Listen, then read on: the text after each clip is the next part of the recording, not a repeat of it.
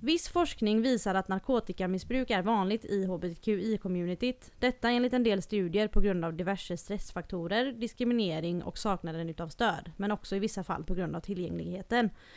Hur lätt är det att hamna i ett beroende när droger finns nära? Och vad är kemsex för något? Detta och mycket mer ska vi prata om idag. Jag heter Joakim. Jag heter Amanda och detta är En Gay i Taget. En gaypodd av och med oss, en bög och en flata. Som av en händelse också råkar vara syskon. Här diskuterar vi allt som är homosexuellt och mer därtill. Välkomna! Hallå? är det någon där? Hallå? Hallå? Jag tog den där memen med Melania Trump. Hello! Hello! God, god eh, Jul. dag! Ja, Ja. god, god dag. Det känns som jul ute. Ja, nej men jag har lite så här höstfeeling. Ja. Hur mår vi? Eh, jo då, jag mår bra. Mm. Eh, idag när vi spelar in detta, vi spelar in detta dagen innan vi släpper det, så lördag den 18 spelar vi in detta. Eh, fyller Felicia år, fyller 22. Mm. Så eh, jag har varit och, uppe tidigt och fixat frukost och så överraskat henne med lite presenter och sånt nu på morgonen. Blev hon glad än? Nej hon blev skitsur. Ja, ja. Nej, nej hon blev glad. ja. Vad härligt. Yes. Och ska ni hitta på något speciellt idag? Eh, ja två kompisar kommer hem till oss så ska vi bara ha typ en spelkväll. Ja, man kan ju inte göra så mycket. Det är ju faktiskt fortfarande en pandemi. Ja, även om folk precis. har Gett eh, upp den tanken. glömt, glömt bort vad vi har levt i snart två år. Mm. Eh, vi ska prata om droger idag. Mm. Rent spontant, vad, vad är ditt förhållande till droger? Ja, det låter... Men du fattar vad jag menar. Alltså, eh, du förstår vad jag menar. Ja jag förstår vad du menar. Ehm, jag har nog inget förhållande till droger. Nej. Hade det varit på Facebook så hade det stått It's complicated. Nej jag skojar bara. Eh, ehm, nej jag själv har ju aldrig haft eh, några drogproblem eller beroendeproblem. Ehm, och eh, jag har faktiskt aldrig, det här säger jag inte bara för att jag pratar till hur många, jag vet inte hur många jag pratar med men jag har aldrig testat en drog som är starkare än alkohol. Nej, det har faktiskt Förutom eh, hos läkaren när jag blev hög på morfin. Men det Ja. var ju under en läkares eh, supervision. inte... Ja, nej faktiskt inte jag heller. Eh, förutom alkohol och cigaretter. Mm. Så har jag faktiskt aldrig testat någonting. Sen så har man ju fått en sån här contact high några gånger på Ja. bussen när vissa människor går på. Jag har ju faktiskt, jag har ju varit nära det. ja, ja men det har man ju varit. Ja, folk som har gjort det liksom runt omkring. Mm. Och jag har till och med fått frågor, du vet man har ju så diskuterat. Bara, ah, men vilka droger har du testat? Och när man säger liksom, nej jag har faktiskt aldrig testat något förutom ja, alkohol och, och, och cigaret, vanliga cigaretter. Mm. Ehm, så, men va, har du inte ens rökt på? Mm, Är inte det exakt. konstigt att man får den frågan? Alltså, att det, det, man, man är konstig nu för tiden om man aldrig har eh, liksom testat någonting. Ja. Och jag säger som du säger, alltså det är ju inte så att man sitter här och säger att man aldrig har tagit, no- tagit droger för att komma med någon moralkaka eller vara liksom goody two shoes. Utan det har liksom aldrig bara intresserat mig. Nej precis, exakt. Och eh, jag är alldeles för orolig. Som Ja, alltså jag är för rädd. jag, med. Jag, ty- Ja, jag blir till och med rädd när jag har druckit en, en klunk för mycket alkohol och känner att huvudet börjar snurra liksom. För jag har Ja, sånt jävla jag. kontrollbehov. Jag Nej det har vi märkt. Jag skojar. jag gillar mitt rödvin. Nej men, eh, nej men jag har sånt jävla kontrollbehov så jag hade Ja. aldrig pall, klarat av att vara hög tror jag inte.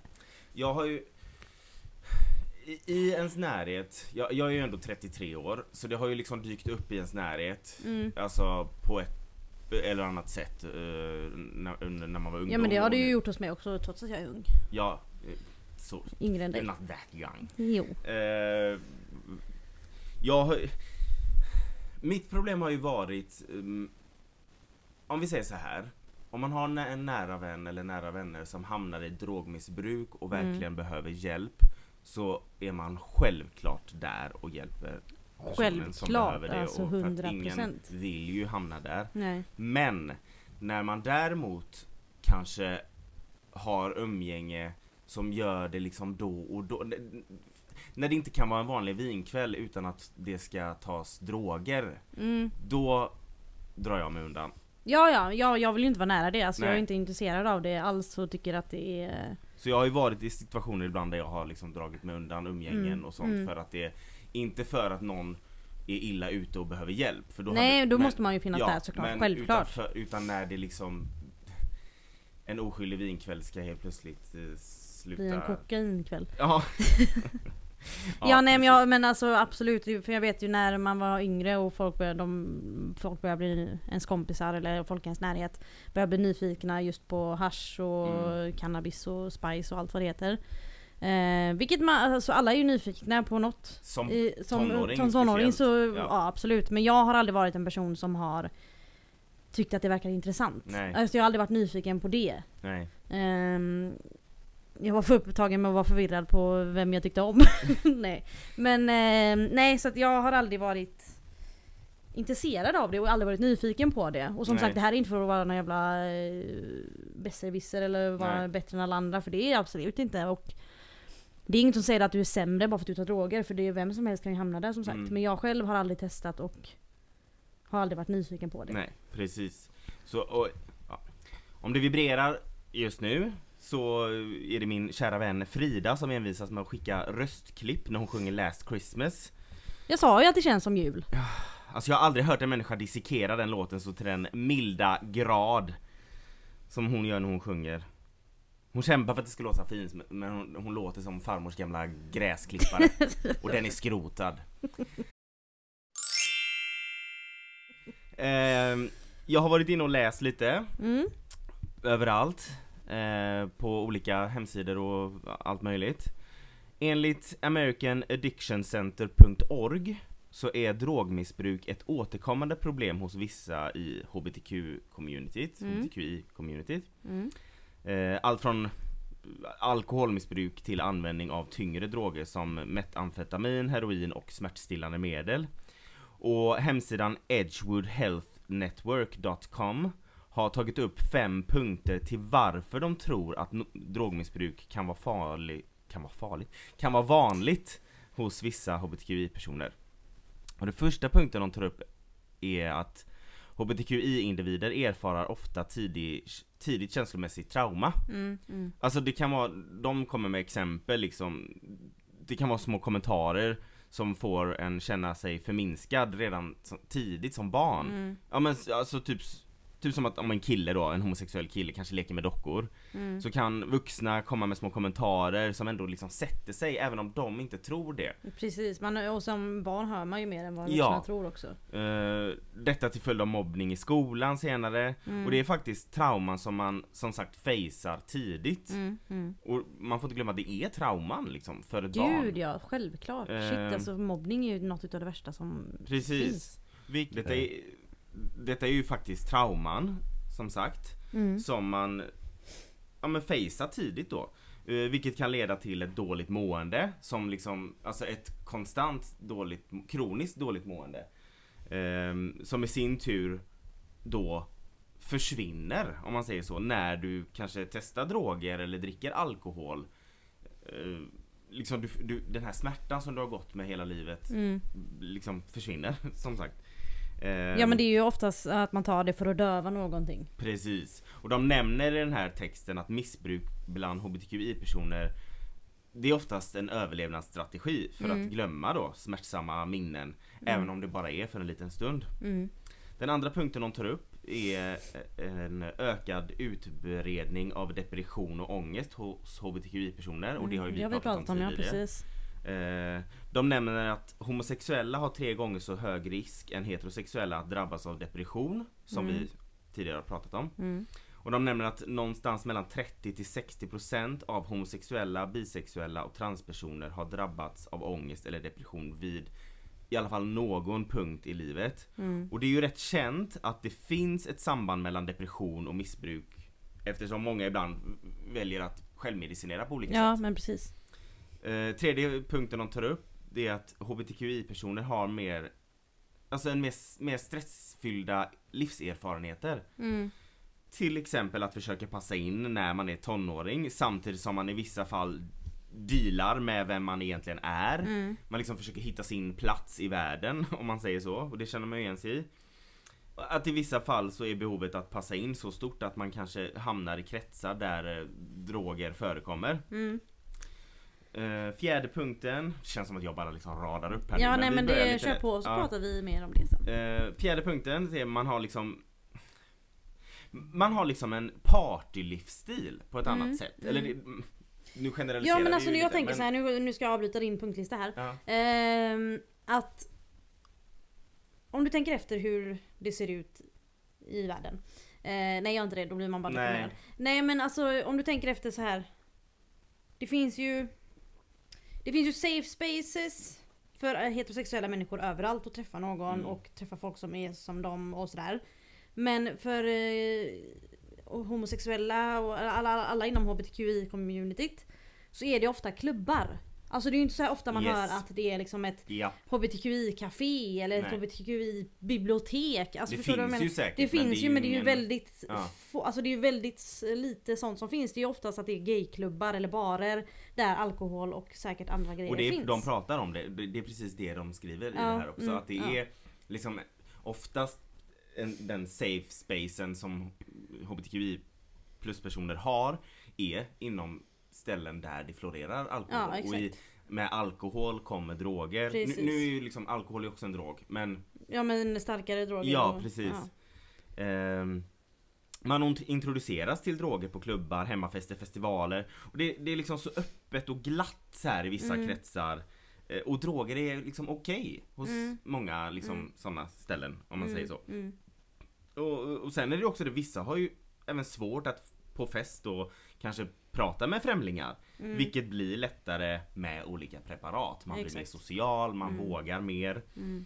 Ehm, Det är också en sån grej. Om man vill flirta med någon som hbtqi-person måste man ju vara väldigt modig och våga mer. Ja, varför tittar du på mig sådär? För du får mig att tänka på den gången du och jag och Felicia var på bröllop och jag Oh gav God. mitt nummer till en uppenbart straight bartender. Alltså, Alltså... för, för, för att förtydliga. Jag hade som sagt, jag gillar rödvin, jag hade druckit rödvin Och du vet bröllop, det är så här, man tar en fördrink eh, Jo, och det är ju väldigt mycket Man håller minglande på och under en drickande, ganska ja. lång tid och liksom Helt plötsligt när man ställer sig upp och efter att ha suttit liksom ner ganska länge vid liksom Under under middagen och så är, har det helt plötsligt slått till och man blir liksom Och jag stod och pratade med dig och Felicia om hur snygg den här bartendern var och Men det var faktiskt ert fel Men ursäkta mig. Vi har inte tvingat dig göra någonting som du inte Ni ville. sa men även om han är, jag bara men han kanske, fan vad snygg han är, vi måste ge honom mitt nummer Men han är ju säkert straight, men även om han är det, vad kan hända? Det är bara, du, gör det bara sa Ja, ni Exakt. Och jag hade aldrig gjort det i ett nyktert tillstånd Och Gör det här, går in, skriver mitt nummer på en lapp och vi Du, springer därifrån lyssna, det tog dig 17 försök att skriva ditt Jag nummer vet på en lapp. jag skrev fel nummer flera Ja, gånger för vi, vi var tvungna att riva av delar av så här drickbackar, så Ja. här pappersbackar för att du skulle skriva rätt nummer. Och så till slut när du lyckades skriva rätt nummer så gick jag och Felicia ut och väntade på dig. Sprang du fram och gav den här jävla lappen till honom. Men jag tror att han trodde att det typ var skräp eller något för du sa ju ingenting. Du bara hej här. Och så bara, sen bara sprang vi ut till våran taxi och åkte hem. Ja, ja, som sagt, det var lite för mycket av det goda Rödvinet och Joakim har alltså så- inte hört någonting av den här bartendern Nej, och den dess. ångest, och det här är ju snart två år sedan men Ja. den ångesten när jag vaknade och jag tänkte så här bara okej Känner han brudparet? Känner han någon som känner brudparet? Är jag liksom en clown nu framför alla på festen? Du vet bögen som gav numret till, eh, eh, ja nej Ja, nej, jag, jag vill inte ens tänka på det, jag vet inte ens hur vi kom in på det men Mm, eh, Vi ja kom in på det med att vara man modig. blir modigare, Mm, ja. man blir modigare. Exakt. Men ja. Mm. Eh, och just det här med att eh, det är liksom eh, en partylivsstil bland många HBTQI plus personer. Mm. Det har gjort att i vissa fall så sträcker man sig till och med så långt att man kallar droger som GHB, ketamin och metamfetamin för gay party drugs. Alltså, Ja. oj det visste inte jag. Enligt den här texten då. Ja. Och den femte punkten de tar upp är faktiskt det faktum att många HBTQI-personer som lever med beroende och missbruk, alltså att, som redan hamnat där, de är rädda för att söka hjälp för att bli dömda för sin sexuella läggning eller Mm. livsstil. Liksom. Mm. Så att det är liksom, de tar ju inte bara upp hur man hamnar där eller varför, de tar också upp varför man är kvar där. ja men exakt. Förstår du? Jo men det är bara alltså man tänker typ på vården och det pratade vi om, var det förra veckan vi pratade om det med vården och eh, alltså typ att Men alltså just att man eh, i i vissa fall när man är hos läkaren eller så inte vet hur man kommer bli bemött. Exakt. Alltså jag, Precis. som jag berättade om när jag var hos gyne- gynekologen, bara en sån grej. För jag Mm. vet att jag kommer få frågor om mitt sexliv. Mm. Och det gör att jag drar mig för att gå till gynekologen för att man vet inte. precis. Och sen och när det kommer till det här då att man är i ett beroende och behöver hjälp och, för att komma ur det. Så vet man inte hur de som, man ska, som ska hjälpa en ur det kommer reagera när man Nej. förklarar sitt liv och så. Exakt. Eh, som homosexuell man så tänkte jag prata lite om kemsex. Har du hört den termen förut? Nej. Nej, det har du inte. Är det när man har så bra sex att det utlöser en kemisk reaktion? Alltså, Eller saker relativt. utlöses ju men... Nej, så här är det. Kemsex är bruk utav droger under sexakten. Mm. Som är någonting som enligt många undersökningar är mycket vanligare då bland homosexuella män än andra grupper. Mm. Eh, och i en artikel med rubriken Kemsex, farligt sätt, farligt sätt att nå bättre sex eh, av Aftonbladet från 13 mars 2020 så berättar socionomen Emil Briones Allén vid RFSL Stockholm att många tror att kemsex är ett nytt påfund, alltså att det har kommit nu. Men det har faktiskt florerat knark i bögcommunityt i flera decennier. Mm. Men förändringen enligt den här artikeln då, det är själva bruket av det. Alltså hur, hur man brukar det. Hur, hur man tar drogerna och vilka olika droger man tar. Eh, och droger som enligt samma artikel ofta används vid kemsex är GHB och metamfetamin. Mm. Eh, de här drogerna höjer den sexuella energin och driften, alltså den sexuella driften. Mm. Man blir mer kåt, man blir mer euforisk.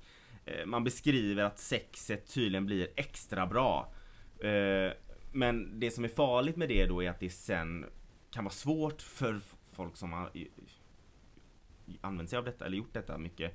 Har svårt att gå tillbaka till ett vanligt sexliv utan droger sen. Ah, ja. Eh, många tar de här drogerna under sex för att liksom minska sina hämningar.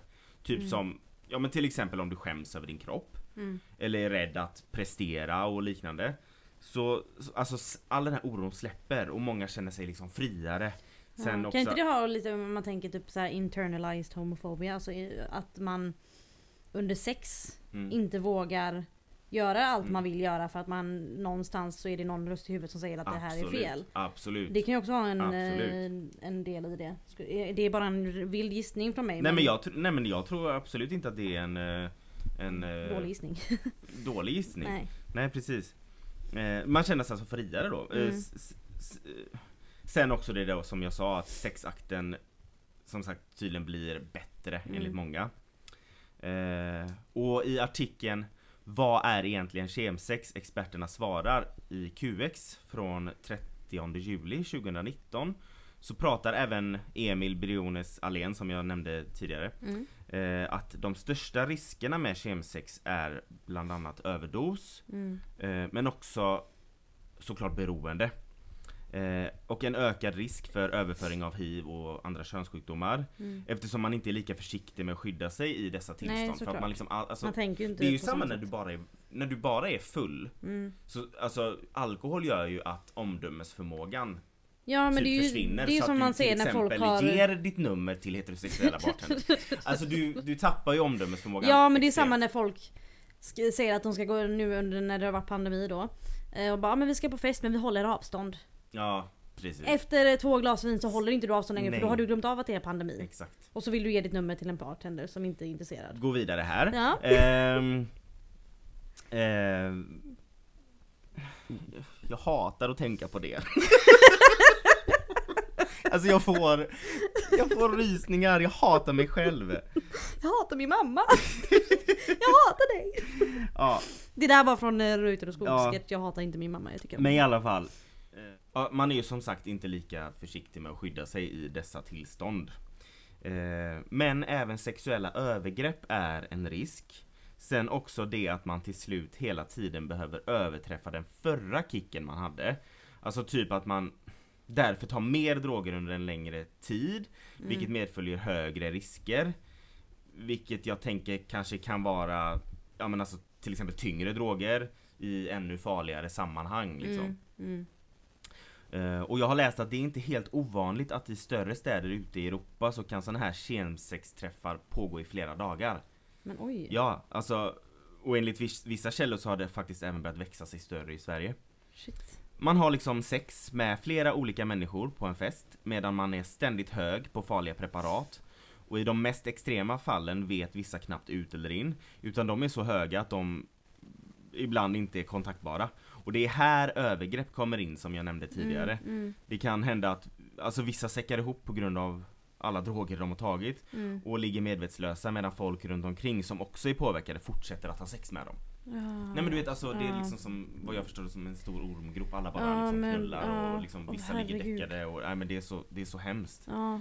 Ehm, ett, en grej som är bra att veta att ett resultat av att ha tagit mycket droger under en kväll eller en helg eller dagar ehm, det är ju avtändning Mm, som ger olika symptom. Det är när giftet går ur kroppen mm, Eh, och det kan vara alltså kraftiga symptom, typ att man blir extremt deprimerad under avtändningen. mm. Eh, väldigt trött och irriterad. Och det kommer med mycket ångest för många. Alltså man kan påverkas extremt både fysiskt och psykiskt. Ja, det är ju därför folk ofta fortsätter också. För att när, de kom, när det går ur Mm. och de får de här symptomen så vet de, de vet en snabb väg för att få de här symptomen att försvinna och det är genom att ta mer droger. Exakt. Och det är då så man fastnar i det Ja, här. och det har man ju hört liksom innan av folk som har berättat det. Att, ja men återställare. Ja men Fast- exakt, ja. precis. Eh, I en artikel av Emily Svensson i accent.se nämner en kille som heter Peter Caris eh, som är chef för rådgivning och stöd för ungdomar på hbtq-mötesplatsen The Center i New York att det är vanligt att många unga hbtqi-personer upplever som jag sa innan, mängder med stress av olika slag Mm. eh, på grund av till exempel diskriminering och våld bara för att de är just hbtqi-personer. Och som vi har pratat om många gånger innan, många blir utstötta av sin familj och därför saknar stöd. Och Mycket att- hemlöshet också och Exakt. då blir man också, kan man också hamna i de kretsarna. Precis. Och självkänslan är ofta då väldigt låg. Mm. Detta gör att droger och alkohol blir ett sätt att hantera det på. Mm. Och det tror jag gör att det är vanligt i vårt community. Ja, ja men verkligen. Eh, han anser att man kan förändra trenden av drogmissbruk genom att ha fler frizoner för unga hbtqi-personer. Frizoner, som du sa, nämnde tidigare, där man får träffa likasinnade men där allt som kan göra en typ beroende som alkohol och droger är förbjudet. Mm. Alltså typ ett nyktert alternativ till fester och barer och sånt. Ja och även för, och, och liksom för yngre hbtqi-personer Mm. liksom. För alltså du kanske inte vill vänta till du är 18 med att gå ut och träffa någon liksom, när du, när du är, är inom vårt community. Så då borde det ju finnas ett safe space för även unga att gå. Nu säger inte jag att man ska, som, bara för att man är vuxen ska man gå till ett ställe som har droger. Men jag menar mer alkohol som är Alltså gå och ta ett, en, en öl med någon Mm. på en dejt typ. Eller gå och flirta med någon över en öl på en klubb. Mm. Det, det, det är ju det alternativet man har som hbtqi-person oftast. Eh, och det kan man ju inte göra som ung. Han säger att man inte bara ska fokusera på att behandla folks beroende Mm. Utan att man typ från början ska förebygga att folk ens hamnar där. Typ genom att kanske utbilda föräldrar och närstående eftersom just att deras familj inte accepterar dem ofta är en stark bidragande faktor till att det dåliga måendet kommer som gör att de till slut tar droger. Ehm, och även att de som jobbar med att behandla beroenden borde ha- ha speciella kunskaper om just hbtqi-personer för att förstå hur man blir påverkad av sin Mm. identitet. Mm, mm, verkligen. Eh, vet du vad sexperterna är? Nej. Nej, det, det är bara för att du är lesbisk tjej. Nej. Eh, ja, eh, direkt citat från RFSLs hemsida så så här, står det så här. Sexperterna arbetar för en förbättrad sexualhälsa på nätet, på barer och i parker. Deras arbete syftar till att minska hiv och andra eh, könssjukdomar bland homosexuella, bisexuella och transpersoner som har sex med män. Mm. Eh, och på sexperterna.se finns det otroligt bra information till folk som utövar just kemsex. Eh, det är väldigt informativt och stöttande grejer som till exempel hur man kan minska riskerna med, med kemsex och hur man ska gå tillväga om du själv eller någon annan tagit för mycket droger. Eh, De erbjuder även samtal till personer över 18 år som har erfarenheter av eller funderingar kring droger. De har en mottagning där man kan prata med en socionom som är specialiserad på sånt här. Så om du som lyssnar vet med dig att du liksom kanske är illa ute eller du vill veta mer så gå in på sexperterna.se Mm. Men tror du att det kan för nu nämner man ju, nu har jag ju liksom nämnt eh, kemsex och det är ju vanligt bland homosexuella män just. Mm. Men vi pratar ju ändå i början om liksom HBTQI plus community i, i stort. Men Mm. nu har ju du inte liksom levt som singel i flat-communityt men vad, hur, tror du att det är vanligare bland eh, homosexuella män än bland homosexuella kvinnor? Alltså om du bara får gissa. Alltså jag vet inte. Nej. Jag tror att i, när det kommer till det så tror jag att det är ganska lika just för att eh, för att nu, just när det kommer till att döva smärtor så är det ju, eller döva känslor och smärtor och trauman och sånt. Så är det ju oftast, alltså både flator och eh, bögar Mm. har ju gått igenom mycket samma, Mm. eller mycket liknande. Eh, så jag tror att, jag tror inte att det är jag vet inte om det är varken mindre eller eh, Nej. mer. Men Men jag, tror att det är inte ganska det är vanligt. vanligt bland lesbiska att ha såna här liksom kemsex Nej det kanske det inte är. Jag, Jag vet inte om man säger kemsex eller kemsex eller kemtvätt. Men nej men eh, nej, jag- det, det vet jag faktiskt inte. Men eh, jag tror att det är liksom ganska lika mycket vanligt just med drogmissbruk och sånt. I, över hela HBTQI plus communityt. jag vill bara säga till alla unga som lyssnar. Det är inte, det, alltså alla människor är nyfikna Mm. på grejer och liksom man, man som människa vill testa saker och sådär men var försiktig. Mm. Alltså, för jag menar, man, jag har sett folk som bara skulle testa Mm. och som har har liksom som liksom. är, har hela sitt liv förstört. Ja. Så att fråga dig själv om det är värt det. Mm. Det, för jag, jag tror inte det. Nej. Och och det är inte för att komma som någon jävla moralkärring. Men eh, Nej men det är lite att man ska tänka längre fram. Ja, Försöka liksom tänka längre fram om det är värt det. exakt. Mm. För du vill, du vill leva ett långt och lyckligt liv. Mm. Eh, och det, jag menar, det är hemskt att folk, vissa människor tar så mycket droger för att ha bra sex. Så att de sen inte kan ha normalt sex utan Ja nej men det droger. är alltså fy Och då blir det liksom till slut att För Då kommer du ofta- aldrig ur det för då blir det Nej, liksom nej jag det- kan inte ha sex, jag måste ha droger. Då blir det verkligen Ja för, för eh, många människor är ju liksom sex en sak som händer ganska ofta. Mm. Inte för dig då. Men... jag skojar, nej men för folk som är sexuellt aktiva och tycker det är trevligt med sex. Ja. Då är det ofta en del av vardagen. Mm. Eh, Av Adam? Det är en del av Adam. Av Jaha, vardagen. Ehm, och då om man har eh, varit med om det här kemsex och känner att jag måste ha droger när varje gång jag ska ha sex. Så kan det ju bli att det blir väldigt ofta du tar Mm, droger. precis. Beroende på hur ofta du har sex då. Men om det är, säg att du har sex eh, tre gånger i veckan. Ja men och sen blir så du liksom när du väl har varje- sex så bara Då får du tillbaka, fan jag måste ha droger. Ja Eller men exakt, Du, du, precis. då blir du påminn om hur bra det faktiskt var Med drogerna. med drogerna. Mm, exakt. Så jag tycker Ta bara inte risken och sen är det Nej. också olagligt. Ja just det, den För att lilla, liksom lilla detaljen. Nej men alltså, jag För att vara Prussiluskan här så Ja. Don't do drugs. Ja. Sen om du som lyssnar eh, behöver hjälp eller känner att du är illa ute eller sådär Så finns det beroendevård inom sjukvården och socialtjänsten Eh, Men även kyrkan och eh, vissa frivilliga organisationer kan erbjuda stöd och hjälp Och du kan alltid ringa och få sjukråds, eh, råd, sjukvårdsrådgivning på, 100, eh, på 1177 Mm. Och sen om du, om du lyssnar och vet med dig att du är, sitter i skiten, om Mm. man säger att du är liksom i det. Alltså du ska ju aldrig känna att du är sämre än någon annan för att Nej. du har hamnat där. Eller att du är, alltså att du ska skämmas för att det, vem som helst kan Mm. hamna där. Mm. Jag kan hamna där nästa vecka.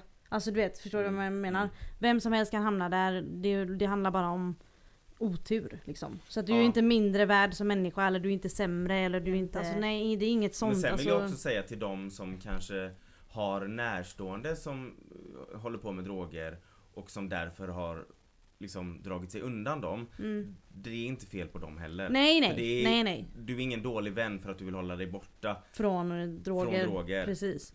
För att Det är när personen som går på droger ber om hjälp och du då säger måste- nej. Ja, Då, är du en dålig vän.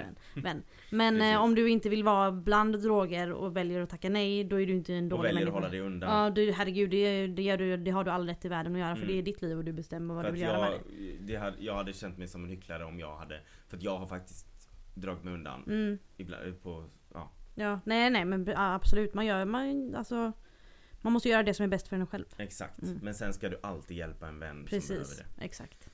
Det var Det var dagens ämne. Ja. Ja. Eh, ja, tack för eh, denna informativa ja, redogörelsen. varsågod. Yes.